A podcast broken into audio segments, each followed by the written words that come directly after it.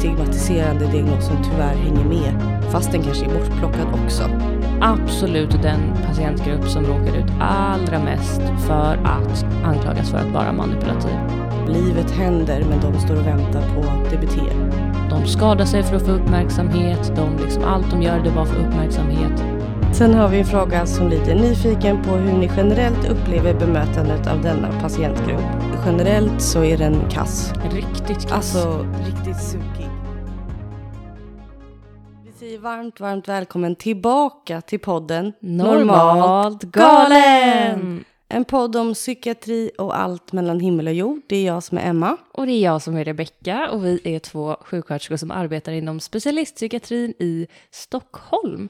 Idag är det måndag den 24 januari och det är alltså inte samma dag som vi spelade in avsnitt, eller del ett av eh, vårt avsnitt om eh, emotionell instabilitet.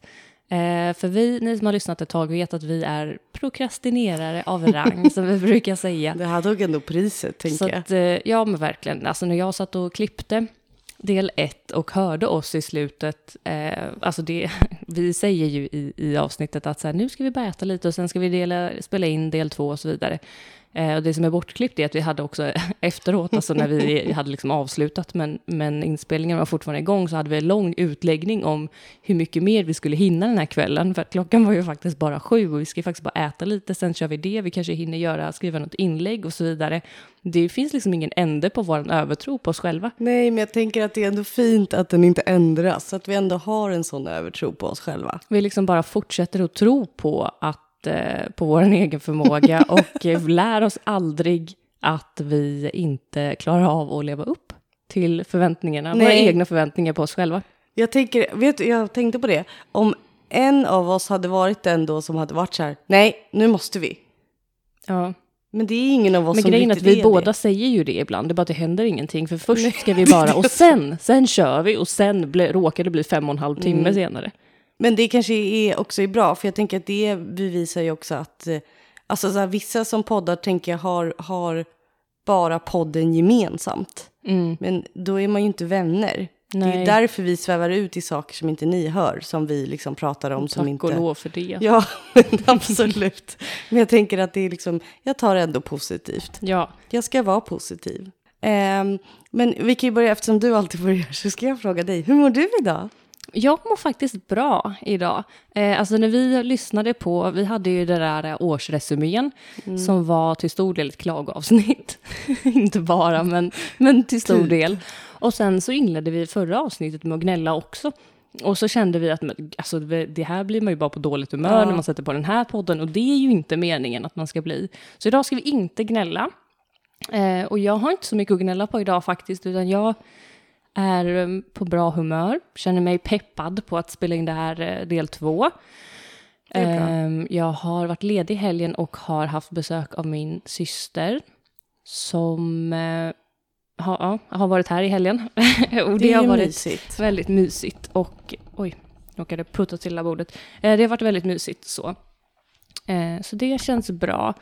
Och jag är ju nu eh, officiellt klar med min specialistutbildning också. Just det.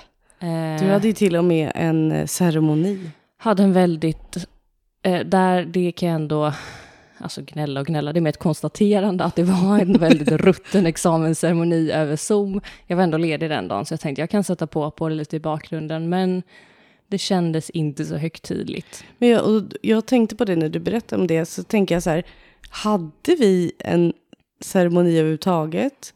Eller var den så rutten så att jag faktiskt inte kommer ihåg? För jag kan inte, jag kan inte minnas att jag hade en ceremoni när jag var klar. Nej, Men det kanske vi hade, men jag kanske jobbade. ja, nej jag vet inte. Ja. Det var, Nej, men du är i alla fall officiellt klar och det är alltså två år och nu kan du titulera dig specialistsjuksköterska i psykiatri. ja, så det känns ju ändå trevligt. Grattis till mig. Ja, tack så mycket. Mm, Tack. det är du värd. Tack för era värmande applåder och eh, hejarop på mig. Tack, tack. Hade du någon sån här, äh, när du eh, blev sjuksköterska eller, eller när du började jobba, att du skulle liksom, ja ah, men innan jag fyller ett visst antal år så ska jag vara specialistsjuksköterska? Nej, det hade jag inte. Jag tänkte att det väl kan vara trevligt någon gång att att, eh, att utbilda sig ja, mer. Ja. Eh, men var lite så här, nej men jag känner att, alltså då kände jag nog att jag vill testa på lite olika saker och se vad jag fastnar för och bla bla bla. Eh, Och så, så det var du. inget särskilt mål, men sen fastnade jag ju fort. ja. Och eh, sen var det ju egentligen en, lite av en, alltså jag hade ju inte planerat just vid det här tillfället när jag, när jag hoppade på den här specialistutbildningen att jag skulle göra det heller, utan det var lite sådär att jag men kände att jag behövde göra något nytt och lite så, funderade på att byta jobb mest för att det skulle hända någonting. Ja. Och sen bestämde jag mig för att inte byta jobb utan för att plugga istället. Och Mm. det var ju ett väldigt bra beslut, annars hade det aldrig blivit någon podd. Nej men snälla, tänk, det hade ju varit så Det tråkigt. går inte ens att föreställa sig. Förstå er, förstår ni att ni kanske inte hade haft oss i era lurar? Men herregud. Bara det. Ja. Ja. Eh, men så, ja, så det är bra med mig helt Ja, enkelt. Hur är det med dig, Emma? Jo men det är, det är jättebra. Jag har ju suttit en vecka i karantän Med korre. med Korre, precis, med corona, hela vår familj. Hela våran, som att hela familj också. Hela min familj hade, eller har haft corona. Eh, så det har ju känts otroligt peppande att det blev måndag. Min karantän släpptes i fredags eftermiddag. Så att jag hade ändå helgen där jag kunde röra mig fritt i samhället. Din karantän släpptes samma dag som eh, Folkhälsomyndigheten gick ut och förkortade antalet dagar man behöver sitta i karantän. Exakt, precis. Eh, så, men nu känns det ändå skönt. Jag var aspepp på att komma till jobbet i morse. Eh, och kände att, för det är det jag har känt när vi har lyssnat också. Att så här, gud det låter ju som att...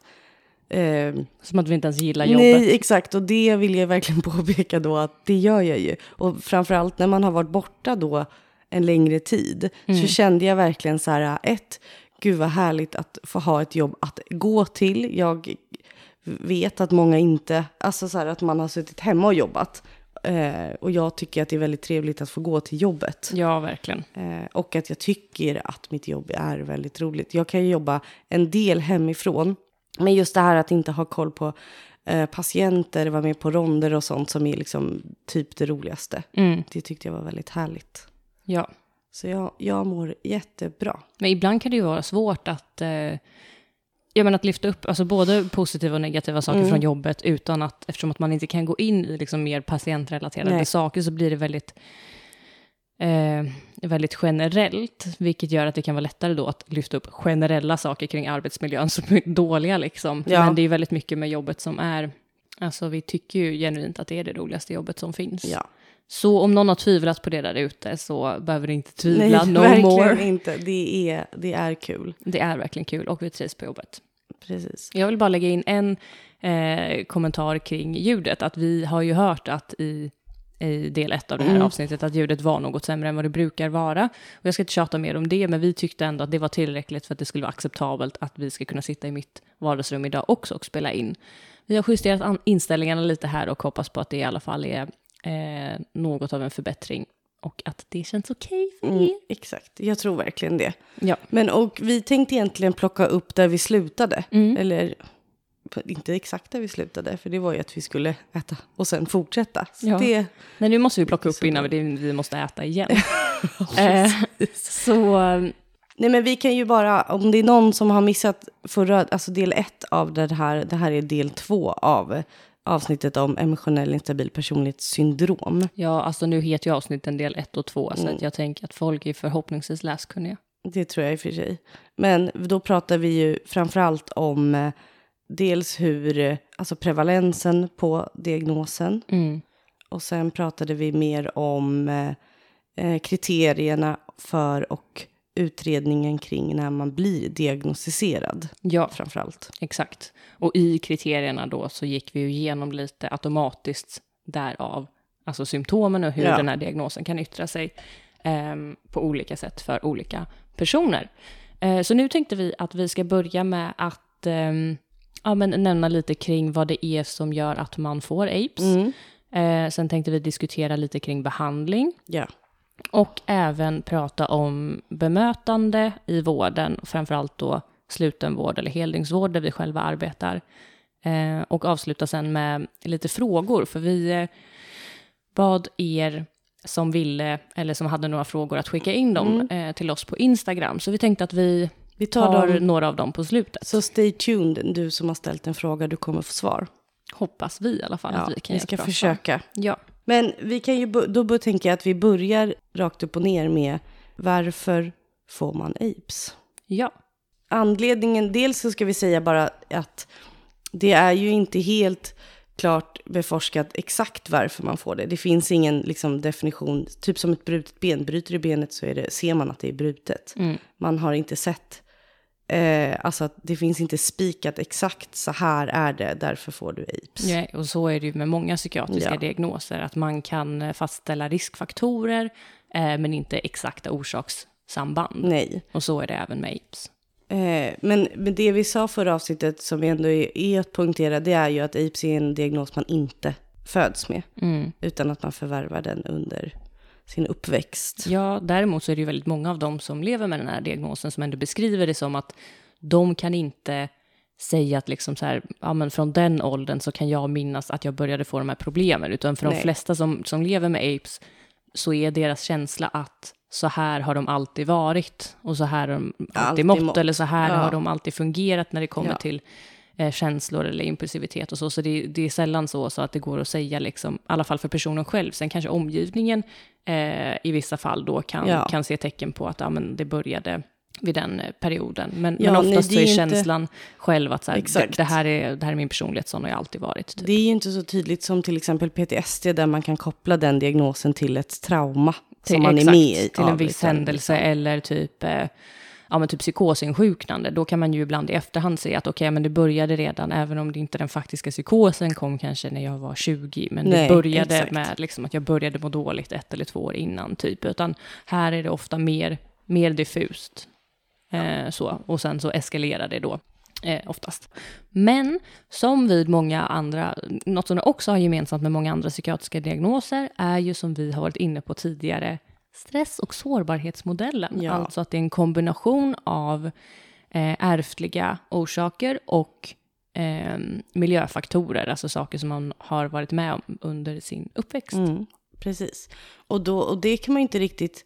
Det finns inte supermycket studier heller visat liksom hur mycket av eh, arv och hur mycket av miljön som påverkar så. Utan det är lite flytande, tycker jag, i olika studier. Men man har väl sett någonstans att till exempel om man har en släkting eller alltså en familjemedlem som har fått eller har diagnosen APES så är det fem gånger, var det fem gånger större risk att man själv drabbas av den diagnosen. Ja, precis. Jag har också läst siffror där man till exempel i studier där man har jämfört tvillingar och sådär. Eh, eller exempelvis har undersökt, ja men typ barn, alltså som har blivit adopterade till exempel och jämfört då. Eh, och kunnat se då att det finns en ärftlighet när föräldrarna har haft den här typen av problematik. Och då ibla, i vissa fall så är det inte APES specifikt man undersökt, utan personlighetsproblematik överlag, även andra diagnoser. Men där man ändå kunde komma fram till genom exempelvis tvillingstudier att, att ärftlighetsfaktorn, alltså den genetiska sårbarheten, eh, är ungefär hälften. Alltså i, vissa är från kanske 40 procent och eh, andra kanske 60, ja men Ja, precis. någonstans där i alla fall. Så vi kan väl, vi kan väl kortfatta det som typ hälften hälften. Ja, och, då, det, och det är väl viktigt att poängtera att bara för att du har en familjemedlem som har IPS betyder inte det att du kommer drabbas av det. Utan det finns Nej, en, såklart inte. men, men man har troligtvis en större sårbarhet för det. Ja, exakt. Och vad, alltså, för jag tänker just sårbarhet, eller, eller sårbarhet är ju egentligen det som vi syftar på när man säger det här genetiska. Mm, liksom. ja. eh, att man har någon slags medfödd känslighet för ja, men, större svårigheter att ja, men just hantera känslor eller att vara mer, ja, men, till exempel de här impulsiva symptomen och så vidare. Att man, man har en större benägenhet att utveckla den typen av problem. Och i kombination då med miljöfaktorer eh, så kan det här utvecklas på ett sätt som kan resultera i så pass stora svårigheter att, de, att man helt enkelt uppfyller Ja. kriterierna då för en AIDS-diagnos. Ja, och då tänker jag när man säger miljöfaktorer så kan det också vara svårt att säga vad menas, vad menas med det. Och ibland kan det till och med vara, det finns ju personer som faktiskt har, för att jag tror att det man, det man först tänker på det är ju att man alltså är med om något, något form av trauma. Alltså både, det kan vara både fysiskt och psykiskt. Eh, liksom så. Och Eller då, sexuellt. Eller sexuellt. Men då tänker jag också att man, att det behöver inte heller vara ett, att man kan pinpointa att det var just det traumat, utan det kan vara Eh, till exempel att man blir negligerad i, i sina känslor när man är liten under lång tid. Och det kan också då göra att man inte har fått den, eh, den bekräftelsen som barn som man behöver. Och det genererar sen i att man då får de här svängningarna som gör att man till exempel uppfyller kriterierna.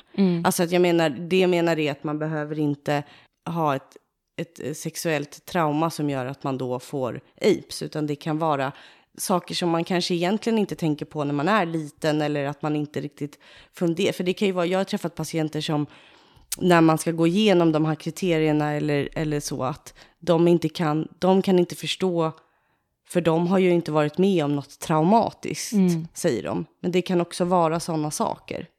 Ja, alltså det kan ju vara ett långvarigt trauma i den bemärkelsen att det har ändå på något sätt traumatiserat Ja. en, även om det inte har varit ett akut trauma på samma Nej. sätt som om man eh, men, till exempel har blivit utsatt för övergrepp under uppväxten. Ehm, utan att det kan vara, liksom, ja, men som du säger, att man blivit negligerad eller på olika sätt har eh, haft familjeförhållanden eller liknande som har varit liksom invaliderande i form av att man har inte fått sina känslor bekräftade och därav inte liksom lärt sig kanske på ett, eh, den normala mognaden i att lära sig hur man ska tolka sina egna känslor, samband mellan eh, hur man reagerar och vilket eh, liksom, känslopåslag det väcker hos en i olika händelser och så vidare.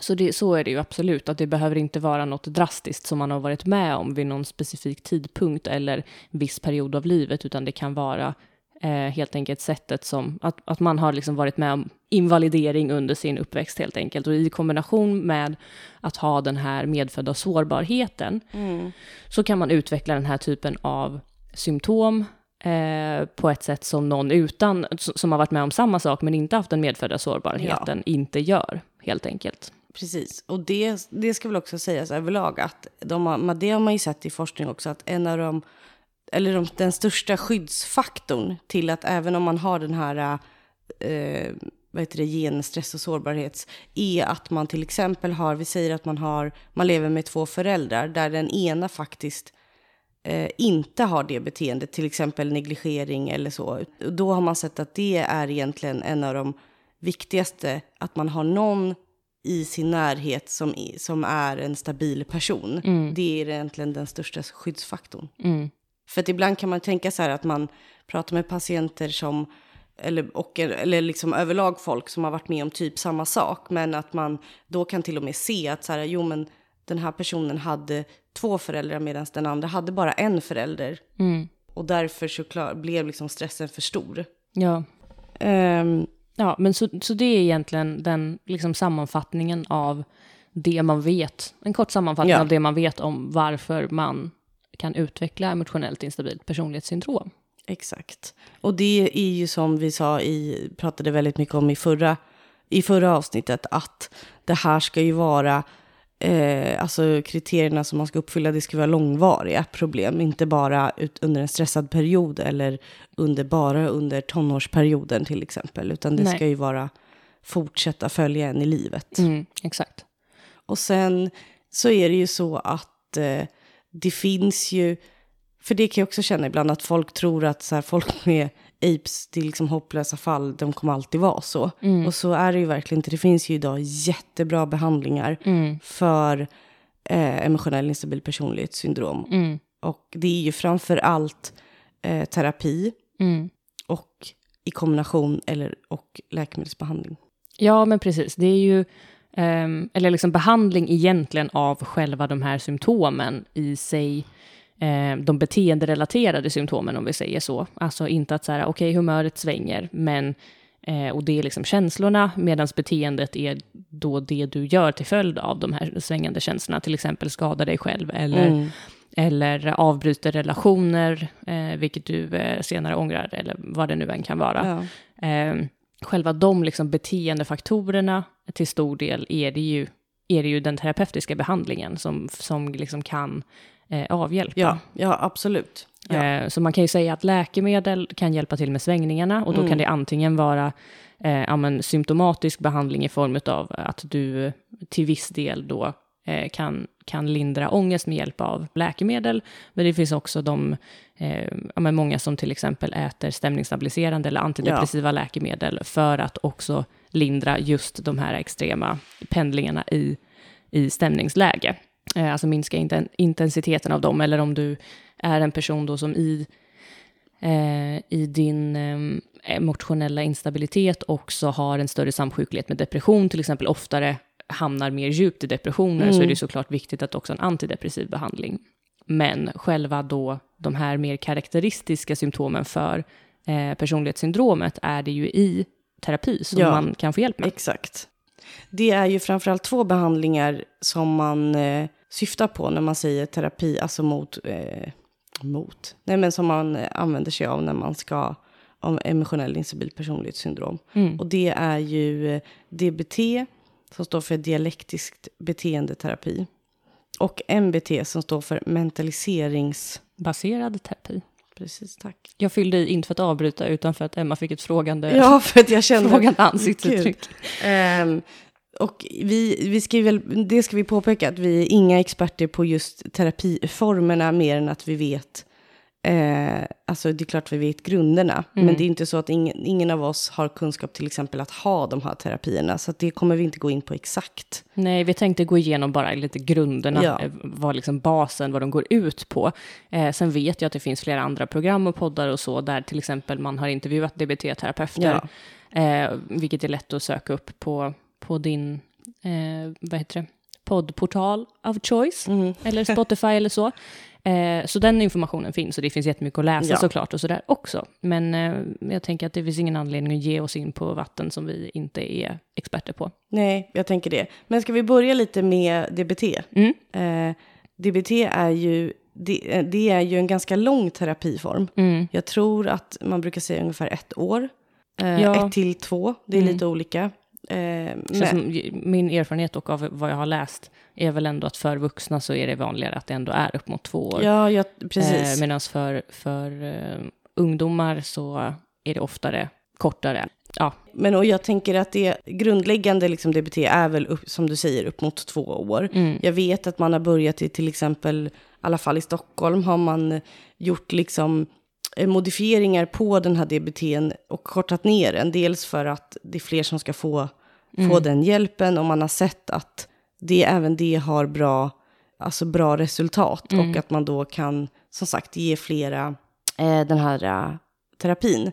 Därför att det är ju så att det är ändå rätt långa väntetider och mm. det är som sagt en lång behandling. Ja, och det har väl också att göra med att man har sett att den eh, till stor del kan gynna personer även som inte har en AIDS-diagnos. Ja, eh, alltså till exempel om du har problem med självskada men inte har AIDS eller andra, eh, till exempel PTSD vet jag till eh, många personer att det kan vara hjälpsamt med DBT. Ja, och ADHD har de ju också ja. börjat nu. Och det är framförallt de här svängningarna som mm. man kan ha i, i sin ADHD-diagnos också. Exakt. För det är ju alltså att man ska dels bli varse sina känslor. Mm. Eh, och lite varför man får de här känslorna. Mm. Eh, men också att man ska kunna acceptera Ja, precis. Det är ju det som är själva, eh, just det här begreppet dialektisk då. Mm. Att det har dels att göra med, eh, ja, men med, ja, alltså absolut med känsla, men, men med själva beteenden. Alltså i den formen att det är ett, en beteendeterapi, det vill säga att du arbetar med de destruktiva beteenden mm. som, som känslorna eh, ger upphov till. Eh, och den andra delen i det dialektiska då är acceptansen, där du behöver jobba med att faktiskt acceptera det som du inte kan förändra eller liksom kombinationen mm. av att förändra det du kan och att acceptera acceptans inför det du faktiskt inte kan förändra. Eh, och där är då det dialektiska, de här två, två bitarna som, som samverkar. Ja. Men och det går ut på att man dels, det, dels i grupp mm. eh, och dels individuellt. Ja. Eh, så att man jobbar både med grupp och sen själv. Och det är oftast så att man har eh, en gruppsession en gång i veckan och sen en individuell mm. session mm. en gång i veckan. Mm. Och ibland, det kan se lite olika ut. Mm. Ibland har man eh, grupp två gånger i veckan till exempel. Man har eh, något som kallas för färdighetsträning, där man då Eh, det består dels av det du gör på terapin, men också att du får hemuppgifter där du ska arbeta med olika saker.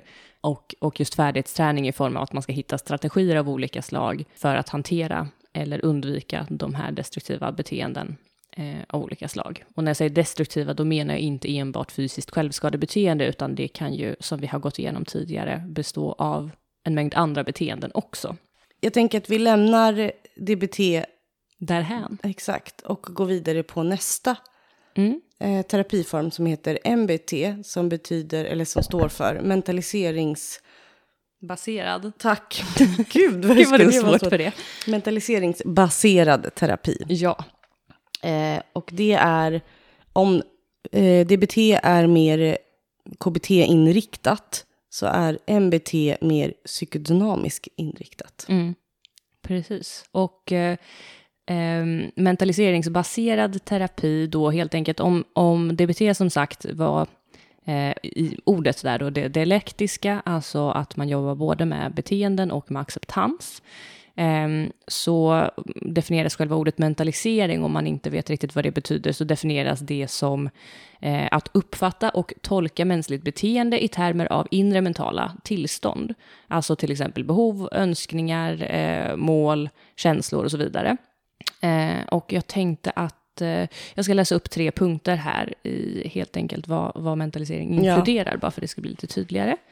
Eh, och då är nummer ett att förstå andras beteende i termer av inre mentala skeenden. Två, att förstå sina egna mentala skeenden. Och tre, att kunna differentiera mellan sina egna och andras mentala tillstånd och att skilja mellan mentala tillstånd och yttre verklighet. Eh, och det det här egentligen innebär då, om man pratar utifrån diagnosen APES, eh, så brukar man säga att man antar, alltså personer som, som har APES eh, har egentligen inte Alltså de- har inte, det är inte så att mentaliseringsförmågan i sig inte existerar, eh, utan det är snarare så att, det, att man, man har helt enkelt svårigheter att mentalisera i emotionellt nära laddade eh, relationer, vilket innebär till exempel att då eh, ja, men att man, man kan ha svårt att skilja på att eh, ens egna liksom, tankar och känslor och så vidare, att de inte är detsamma som den yttre verkligheten. Alltså typ sånt som vi var inne på i första avsnittet, där vi, eh, eller i del ett då, där vi diskuterade det här med till exempel eh, ja, med verkliga och imaginära eller liksom inbillade eh, separationer och sådär till exempel, så var vi inne lite på det där att man kan vara övertygad om liksom att ens egna känslor kring någonting är en verklighet och att man därför kommer bli lämnad. Eller, Ja, men till exempel Liknande. att man har, man har eh, känslor av att man eh, är dålig, att man inte är värd Mm. något, att man, man känner sig värdelös och då också tror till exempel jag att Rebecka också tycker Mm. att jag är värdelös. Exakt, så helt enkelt att man har svårt att skilja mellan sin egen inre känslo och tankevärld och den yttre verkligheten, vilket då kan också få en att helt enkelt Eh, ja, men det kan leda till exempelvis destruktiva beteenden, eh, såsom självskador eller att man avslutar relationer fast man egentligen Ja. inte vill och så vidare. Precis. Eh, så det är egentligen det som MBT då inriktar sig på. Ja, och eh, MBT är också en ganska, eh, eller ganska, det är en lång terapiform. Det är Mm. också mellan ett och två år. Och det är Mm. också i grupp och individuellt. Ja, exakt. Eh, och det är egentligen de två stora Mm. terapiformerna när det gäller emotionell instabil personlighetssyndrom. Det som finns, som kanske ändå är värt att nämna, det är ju att det har kommit nu på senare år som har blivit allt vanligare. Det finns en terapiform som heter ERGT, Emotion Regulation Group Therapy. Och det är egentligen, det är inte bara så att det är personer med eh, IPS, utan det här riktar sig framförallt till personer som eh, eh, självskadar. Det är en mycket kortare terapiform och i grupp. Eh, och till exempel det jag jobbade i öppenvård förut, där vet jag att det är ganska lång tid till exempel till att få DBT. Eh, och därför så fick många patienter i väntan på DBT, ERGT. För att man också har sett att den ändå gav effekt. Ja, Och att man kan börja någonstans. Att det inte står, för ibland kan det också vara att patienter känner att de står och liksom klampar. Livet händer men de står och väntar på mm. DBT ja eller exakt. MBT.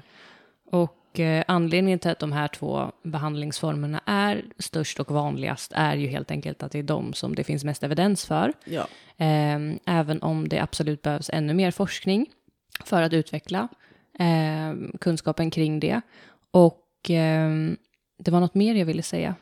Jo, jo, det var ju det, för att avsluta då eh, här om behandling innan vi går vidare till att prata om bemötande, Mm. eh, så skulle jag vilja lyfta fram en, eh, en studie, eller rättare sagt lite om prognos.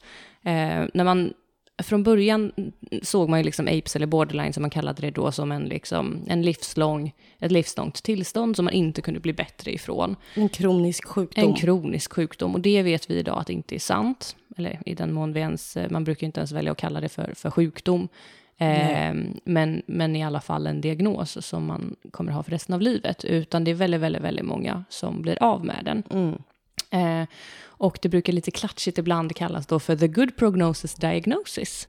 Och jag tänkte bara läsa upp några siffror här som, tyder väldigt, eh, som visar väldigt tydligt, eller ger lite hopp kanske Ja, förhoppningsvis. det tror jag absolut. Ehm, jag ska läsa upp titeln bara på den här studien som siffrorna kommer ifrån, så att ni som eventuellt vill kan försöka traggla er genom att söka upp den. Den har en väldigt lång eh, titel och den lyder The Longitudinal Course of Borderline Psychopathology, Six Year Prospective Follow-up of the Phenomenology of Borderline Personality Disorder. Och i den här studien så följde de upp då eh, personer som ska sägas då hade genomgått behandling. Eh, De följde upp dem vid, vid upprepade tillfällen för att se hur många personer som fortfarande, eller hur stor andel som fortfarande uppfyllde diagnosen efter eh, vid de olika tillfällena. Och efter två år så var det 35 procent, alltså en, över en tredjedel som inte längre uppfyllde kriterier. Efter fyra år så var det hälften som hade blivit av med diagnosen. Och efter tio år så mycket som 82 procent som inte längre uppfyllde diagnoskriterierna för, eh, för APES. Och det är ju ändå väldigt, väldigt många. Det är ju väldigt hoppingivande. Jag tänker att, eh, att säga det, att med tiden, med terapi och tid att också liksom leva som man lär i terapin. Eh, Att gå genom livet med hjälp av de färdigheterna som man Exakt. har utvecklat i terapin. så är det väldigt stor sannolikhet att man kan plocka bort diagnosen. Ja, och det är faktiskt något som jag upplever att folk inte har så bra koll på. Nej, och framförallt inte ens ibland. Det tycker jag också är en sån grej som när man väl eh, när man väl sätter en diagnos så tycker jag att man ska vara rätt klar med det till en patient också. Att så här, det här är ingen livslång diagnos, det här är något som vi kan jobba dom. med. Nej, alltså för det är inte ens patienter vet inte ens det. Nej. Sen är det svårt att plocka bort. Framförallt en sån här, det pratade vi om förra avsnittet, men att, att den här, det är en ganska stigmatiserande diagnos som tyvärr hänger med, fast den kanske är bortplockad också. Ja, men det är ju ändå Nej, men någonting det annat. Men det är ju något, precis, det är ju något annat, men just det där att, att ändå vara tydlig med att man, man, eh, man kan bli fri från det. Mm. Att du Att man kan bli fri från de här symptomen. Ja, att de här är, som du, dina känslor eller det, det, det, ditt lidande behöver, är inte livslångt. Nej, Det är väldigt viktigt. exakt. Men nu tänker jag, nu har vi pratat lite om behandling. Mm. Eh, ska vi gå över lite snabbt och dra om bemötande? Vi pratar ju väldigt mycket om bemötande i vår podd överlag. Ja, och vi pratar ju mycket om... Ja, nu var det ju länge sedan jag lyssnade på det avsnittet, men jag vet att i vårt eh, avsnitt där vi pratar generellt om personlighetssyndrom så Ja. pratar vi mycket om bemötande i vården och vilka svårigheter som patienter med den här typen av diagnoser kan möta. Ehm, och jag tänker att det finns ingen anledning att kanske återupprepa allt för mycket, eh, utan vi, vi tar det lite övergripande. Ja, alltså jag tänker att vi börjar, vi börjar högst upp. Att så här, ett gott bemötande överlag. Eller förstår du vad jag menar? Ja, jo, jag förstår vad du Men menar, men om den det som, lyssnar inte förstår, Nej men, jag, nej, men det är för att jag ibland kan liksom bli så här... ehm, det borde vara så självklart vissa saker. jag tror att det ibland är det. Att jag känner så här, det är 2022 och vi stöter fortfarande dagligen på alltså personal Mm. som man känner så här, vad sa du nu? Mm. Vad gjorde du nu? Alltså, eh, så. Eller man hör historier eller, eller patienter som berättar. Så det är mer det att jag kan ibland känna så här, eh, ja, Ett det borde annat- vara självklart. Ja, ett annat avsnitt för övrigt på tal om det här, vi pratar mycket om bemötande och så som man kan lyssna på, ehm, är ju den när vi pratar om myten kring den manipulativa patienten. Ja, För det här är ju absolut den patientgrupp som råkar ut allra mest för att anklagas för att vara manipulativ, alltså personer som Ja, har ja, personlighetsproblematik och framför allt apes. Ja. Eh, där de, de skadar sig för att få uppmärksamhet, de liksom, allt de gör det bara för uppmärksamhet. De bara spelar ut, de eh, Eh, ska bara jävlas. ja, de, exakt. De eh, gör, alltså det, just det här att de gör det för att jävlas. Mm. Och att de ska bara få uppmärksamhet. Det är väl Ja. de två stora som man känner så här, har vi inte kommit längre? Nej. Och en grej som är liksom ett vanligt lite så missförstånd, eller vad man ska säga, eh, kring patienter med aids och just heldygnsvården där vi arbetar, är ju just det här att nej, men de ska inte ligga inne. Eh, de, de, det spelar liksom ingen roll, de ska bara skrivas ut eller de ska helst inte läggas in. Nej, precis. Eh, och det stämmer liksom inte riktigt, eller det stämmer inte alls. Nej, och det här med att alltså personer som har till exempel som har aids kan också bli deprimerande. Mm. Deprimerande, deprimerade. och eh, alltså vara så pass deprimerade att man vill ta sitt liv. Ja, att, ja, men precis. Och det kan ju ibland vara, liksom, eh, kanske kan tänkas vara svårt att skilja mellan om det här är en, är en eh, tillfällig svängning i liksom, stämningsläge som gör att eh, personen har hamnat i ett tillstånd där den liksom, akut blir akut suicidal. Eh, utan att det är någonting depressivt över det. Men precis som du säger så kan det också vara så att, precis som vem som helst annars, eh, att den här personen då är deprimerad. Och då ska den ju få såklart adekvat vård för sin depression Ja. oavsett vad man har för grundproblematik och i det här fallet aids. Eh, men även inom ramen för en akut kris i själva liksom, tillståndet av aids-relaterade problem Ehm, så är ju heldygnsvård ofta gynnsamt. Vad som däremot inte brukar vara gynnsamt, nu är inte det gynnsamt för någon enligt min uppfattning, men i liksom, synnerhet inte om man har den här, ehm, just de här, den här problematiken, eh, är att ligga inne och liksom dagarna bara går. Det finns, finns inget konkret mål med vården. Nej, precis. Alltså inga tydliga ramar. Nej. Och med det menar jag inte liksom så att, att personalen ska vara sträng eller så, utan att det ska finnas liksom tydligt redan vid inskrivningen. Det ska vara väldigt tydligt då, okej, nu är du här av den här orsaken. Vi ska göra det här. Exakt, vad, vad vill du att vi ska göra liksom under de här dagarna? Eh, för de här liksom svängningarna oftast, de går ju över, som vi har varit inne på innan, väldigt snabbt. Ja. Och i de flesta fall, åtminstone under några dagar. Ja, och att det ska då vara väldigt tydligt formulerat liksom, vad målet med vården är och att man följer upp det. Eh, och att båda parter försöker hålla sina överenskommelser helt enkelt. Ja, och det är väl en sån grej till exempel i bemötandet som jag tycker det är väl viktigt för alla patienter, men här är det väldigt viktigt också Mm. att om man har bestämt något och sen blir det inte så av olika anledningar för att det också är, alltså, till exempel som hos oss, det är akutpsykiatri, det kan hända vad som helst. Mm. Men det tar inte så lång tid att gå tillbaka och säga det till den här patienten Mm. att så här, nu skulle vi ha träffats klockan 10, nu kommer jag inte hinna det, men jag Mm. lovar dig att jag kommer så fort jag har tid, eller om man har en annan tid, säga Mm. jag kommer tillbaka klockan ett. Eh, Sådana saker ger väldigt mycket, och framförallt till den här patientgruppen, därför att som vi har sagt, att svängningarna går fort. De kan också koppla det till att deras egna känslor i att okej, jag var inte tillräckligt viktig, jag, jag är alltså värdelös som jag Mm. tänker, för hon kom ju inte klockan tio som hon sa, exempelvis. Alltså Ja. sådana små grejer gör rätt mycket, och det handlar ju väldigt mycket om bemötande. Verkligen. Eh, samma sak tycker jag det här med, vi pratar ju väldigt mycket om det här med att validera känslor och upplevelser. Och jag kan också tycka att det har någon sån här eh, konstig klang i att man säger att man ska vara fyrkantig och man ska ha liksom, förhållningssätt. Och det upplever jag när folk säger så, blir de rätt otrevliga och dryga på något sätt. Alltså personal. Alltså personal, ja, ja, Mm. precis. Men det handlar ju mer om att, att det ska finnas en ram i att jag accepterar inte det här beteendet, men Mm. jag förstår att din upplevelse av det här är, eller dina känslor är det här. Att man liksom skiljer på det. på Mm. Ja, alltså sätt.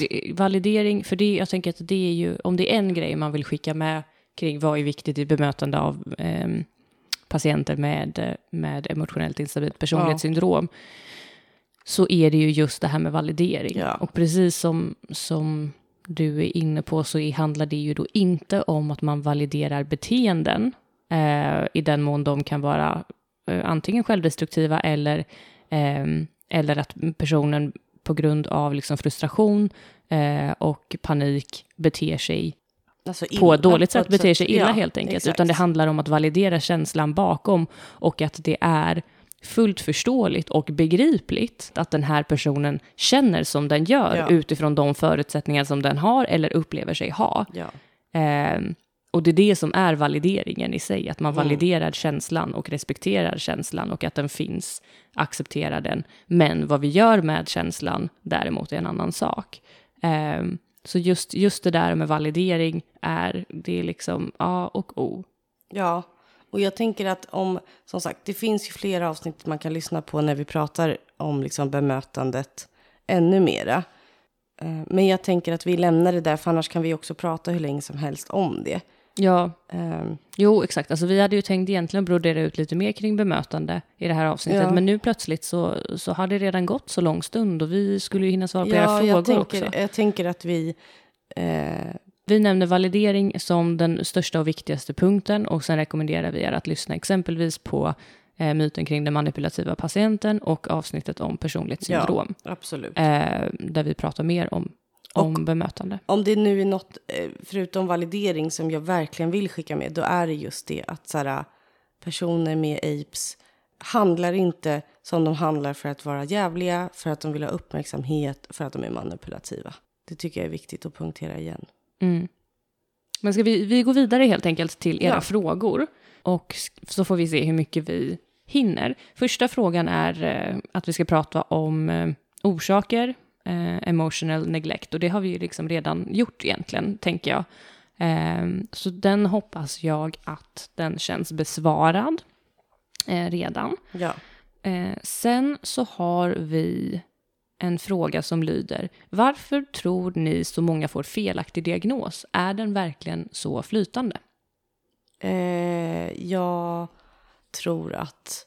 Sva, svår fråga så. Alltså så här, varför, jag vet inte om... Är det så många som får en felaktig diagnos? Alltså jag skulle säga att i den mån folk får felaktig diagnos då har de inte fått en riktig utredning. Nej, det är det jag tänkte. Precis, det, det var det jag tänkte. Att så här, då handlar det nog om att man har fått en sats som vi diskuterade i förra avsnittet. mm. Att Någon har stämplat den bara. efter fem minuter så har någon typ läkare oftast bestämt att de har apes. Exakt. Eh, men när man gör en gedigen utredning så är det inte felaktiga diagnoser oftast. Däremot Nej. så tror jag att, eh, att man kan bli bättre på att eh, alltså göra om utredningen och se om man fortfarande uppfyller kriterierna. Det tror jag också. Och sen, men det har vi också nämnt innan, det här med att vissa symptom är, eh, kan liksom, alltså i den mån det är flytande, så om man har symptom, om ens, de symptom som är mest främ, framträdande hos en är de symptom som också kan vara vanliga vid andra diagnoser, som till exempel som vi nämnde i förra avsnittet, impulsivitet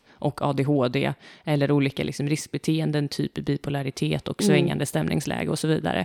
Eh, det är väl, så jag skulle säga att om man, om man har liksom, om de eh, besvären är mest framträdande, som också då är gemensamma för vissa andra diagnoser, så tror jag att det kan vara det som är en anledning till att man får fel diagnos. Ja. Även om jag inte kanske skulle nödvändigtvis säga att det är Alltså det här är ju alltid ju relativt, men min upplevelse är ändå inte att det är så många som får fel diagnos om man har fått en, eh, en adekvat utredning. Nej, exakt.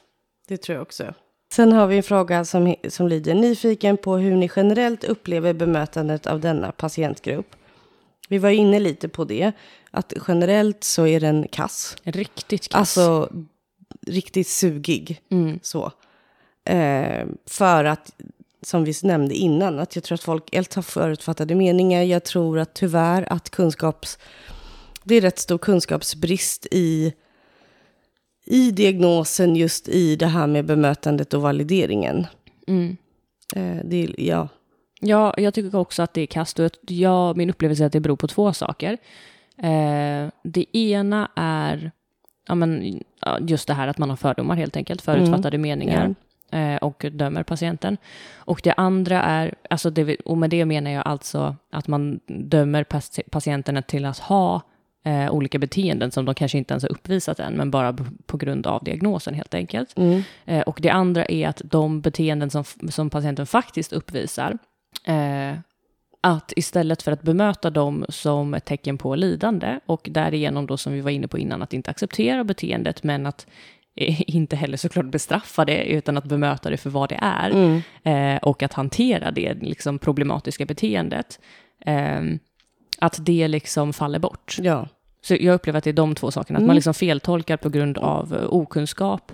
Eh, vilket, eh, jag vet inte, jag har inget att säga om det. Jag tycker inte det är Det var ett acceptabelt. Det är Väldigt bra svar. tycker jag. förståeligt, men jag tycker inte att det är acceptabelt att Nej. jobba i, i psykiatrisk verksamhet och att ha så, så otroligt låga liksom, kunskaper eh, om sånt. Nej, usch. Men det är väldigt vanligt, Ja, tyvärr. tyvärr. Ehm, och här är ju lite liknande då. Är det vanligt att man blir sämre bemött i både psykiatrin och övrig sjukvård? Och där kan vi väl typ fylla i bara med, för nu har vi ju pratat framförallt om psykiatrin. Ja. Eh, men det är ju såklart sämre Mm. inom andra delar av vården. Ehm, Och det är ju framförallt, tror där jag, kunskapen är ännu sämre. exakt, jag tänker att det framförallt är i många fall väldigt stor kunskapsbrist. Ja. Och vi hade ju till exempel, vi skrev ju här i veckan, eller om det var förra veckan, nej denna veckan, nu blir det förra veckan, Mm. Eh, ett inlägg om eh, att patienter inte, alltså patienter eh, ibland inte erbjuds bedövning när de ska sy sina eh, självskadesår. Självskador, Och eh, det är ju en sak som bara handlar om bemötande. Ja, Eh, så det inlägget, Finns där är det ju att läsa. Ja, men precis. Och sen har vi en fråga här eh, från någon som frågar om en person kan få sin AIDS-diagnos borttagen. Det har vi också svarat på redan, att det kan man. Eh, sen så krävs det ju då att man genomgår en ny utredning då Ja. för att se såklart om man fortfarande uppfyller kriterierna. Men det kan man få. Det kan man och, få. eh, det, eh, och det kan absolut som sagt vara så att man inte gör det längre. nej, och att prognosen om man får terapi är väldigt god. Ja, Eh, bästa sättet som vårdpersonal att bemöta patienter med AIDS, det har vi också pratat om. Det är ju som sagt validera, validera, validera. Nej men lite så tycker jag att man kan liksom säga. Ja, nu skulle vi inte gå in mer på bemötande här och nu, så att vi får sätta får punkt där, annars håller vi aldrig käften. Eh, sen är det någon som frågar, finns det annan behandling än DBT då denna behandling bara finns för vuxna? Och eh, varför får bara unga vuxna tillgång till behandling? Ja, och där, där är det nog, alltså jag, jag tänker och hoppas, eller jag blev lite förundrad för i och med att jag inte har den upplevelsen att det bara är unga vuxna som får den behandlingen. Nej, jag undrar om det är så att personen som har skrivit den här frågan kanske bor i en del av landet där det inte finns så stort utbud av psykiatrisk vård och att det kanske eventuellt finns, alltså bara Ja. finns där någon, någon Typ mottagning. unga vuxna mottagning. Exakt, att det bara är där DBT ja, finns. Precis. Eh, och att personer annars behöver remitteras någon annanstans, vilket ju ofta eh, tyvärr är så att man behöver ha väldigt stora besvär för att kunna Ja, remitteras iväg eh, till någon annan plats. Typ. Eh, så svaret är egentligen att det är inte en behandling som bara finns för unga vuxna, utan nej, det, det finns liksom ingen åldersgräns på DBT i sig. nej, absolut inte. Eh, sen en fråga till. Är det vanligt att patienter feldiagnostiseras med eh, AIDS? Tänker till exempel på PTSD-patienter. Alltså jag tycker att det är svårt att svara på det. För att, men det är ju som vi har svarat innan att eh, vissa kriterier som man kan uppfylla både för AIDS och PTSD alltså går ju ihop med varandra. Mm. Ehm, så det är mycket möjligt att... Men som sagt, har man fått Och en- det finns också, eh, det, det är också så att man kan ha båda diagnoserna. Ja, det är ju inte ovanligt är inte att man har att- det. Alltså man, man kan ju ha varit med om traumatiska händelser eh, utan att ha PTSD, men ändå ha AIDS. Eh, men du kan också ha PTSD och ha AIDS. Ja, Eh, och du kan också kanske i att det av olika skäl visade sig vid den tidpunkten när du gör utredningen att eh, det ter sig så att du har mer emotionellt instabila symptom som väl egentligen kanske då inte finns kvar utan att det är PTSD-symptom som finns kvar och så Mm. att det blir precis. fel därför. Ja. Typ. Eh, men siffror på det har vi Absolut. inte. Däremot inte. så min kliniska erfarenhet är ju att det ändå är vanligt att ha både Ja, och PTSD. väldigt, väldigt Bland vanligt. i alla fall de patienter som mår så pass dåligt att vi träffar dem Ja, i, i i, heldygnsvården. heldygnsvården. Ja. Sen är det en person som skriver så här. Eh, ingen fråga direkt, men en önskning om ett, en myt att ta upp. Eh, att det är någonting man växer ifrån. Jag ska bara se, för det var flera delar. Eh, jag har alltid, inom citationstecken, fått höra att alla växer ifrån apes runt 30-årsåldern. Jag är snart 36 och har fortfarande besvär som hindrar mig i vardagen. Myten får mig att känna mig extra värdelös och misslyckad som inte är inom citationstecken frisk. Ja, och där Oj. tänker jag ju att dels så är det ju, vi har ju pratat mycket om att man kan, alltså att man kan eh, bli frisk från diagnosen. Men det handlar ju också om att man ska få rätt hjälp, alltså den terapin som är liksom forskningsbevisat är den bästa. Mm. Eh, och sen är det ju så, vi träffar ju också patienter som är liksom över 50 som fortfarande har Mm. ja, besvär av eh, AIDS. Mm. Eh, Däremot så ser man väl att det kanske är så att man lär sig att leva med vissa saker. Mm. Och därför säger man att den brukar lugna ner sig. Alltså man kanske lär sig att... eh, Det är inte lika framträdande nej, liksom. precis. Men det är inget som säger att alla personer, att det är så för alla. Nej, jag menar så är det ju med allt tyvärr här i livet när det kommer till hälsa och ohälsa, även eh, psykisk sådan, att det är inte helt rättvist. Nej, det är ju exakt. någonstans ändå så att även personer som har genomgått behandling, det finns en mängd olika skäl till att man kanske inte har kunnat ta till sig den. Eh, och sen är det ju även också så med all behandling, att det finns ingenting som hjälper lika bra för alla. Eh, så att, att vi försöker här ändå ha en, en hoppfull ton är ändå för att vi ett upplever att många inte känner till detta och ser det som någon slags livstidsdom Mm, att få aids-diagnos eh, och att förmedla hopp eftersom att det faktiskt är en av de få diagnoser där det absolut inte är så. Eh, Men det innebär inte att det är något fel på eller att den som inte lyckas med det, eller lyckas, om man nu kan uttrycka sig så, men att den skulle vara misslyckad på något sätt. Nej, Utan precis. det finns en massa anledningar till att det kan vara så. Ja, jag tror vi lämnar det där. Eh, nej, men jag tänker att det får vara, vi får sätta punkt. Vi hinner inte alla frågor idag. Nej. Eh, men vi tänkte att vi tar några stycken. Eh, och sen så tänkte vi, för nu har vi ju babblat på ett tag. Som sagt, det här är ju våran hjärtediagnos, eller vad man ska säga. Eh, så att det här blev i två delar. Mm. Och jag hoppas att ni har lärt er något och tycker att det var bra. Ja, det hoppas verkligen vi med. Och ni får, även om vi inte har jättemånga frågor nu, och det är ju, alltså, det här är ju, vi säger ju alltid så här, det här har vi kunnat prata så mycket om, men det här är verkligen Ja. något vi hade kunnat prata om eh, i, i minst två avsnitt Ja. till. Eh, men vi måste ju avrunda någonstans. Det jag vill i alla fall komma fram till är att ni får alltid skicka frågor till oss när som helst. Det behöver inte bara vara så här i, i samband med Nej, ett specifikt eller så. avsnitt Nej, nej, eller, eller i frågebox eller så, utan Eh, vi heter ju normaltgalen understreck podcast på Instagram och där får ni alltid skriva till oss om det är något eller om ni undrar något eller sådär. Mm, verkligen, då blir vi också väldigt glada. Ja, då blir vi väldigt glada. Eh, ja, tack så jättemycket för att ni har lyssnat. Mm. Tack, tack. Nu Ta ska vi äta som vanligt. Nu ska vi äta vår karis lasagne som vanligt, vår poddmaträtt. Vi hörs nästa gång. Hej då.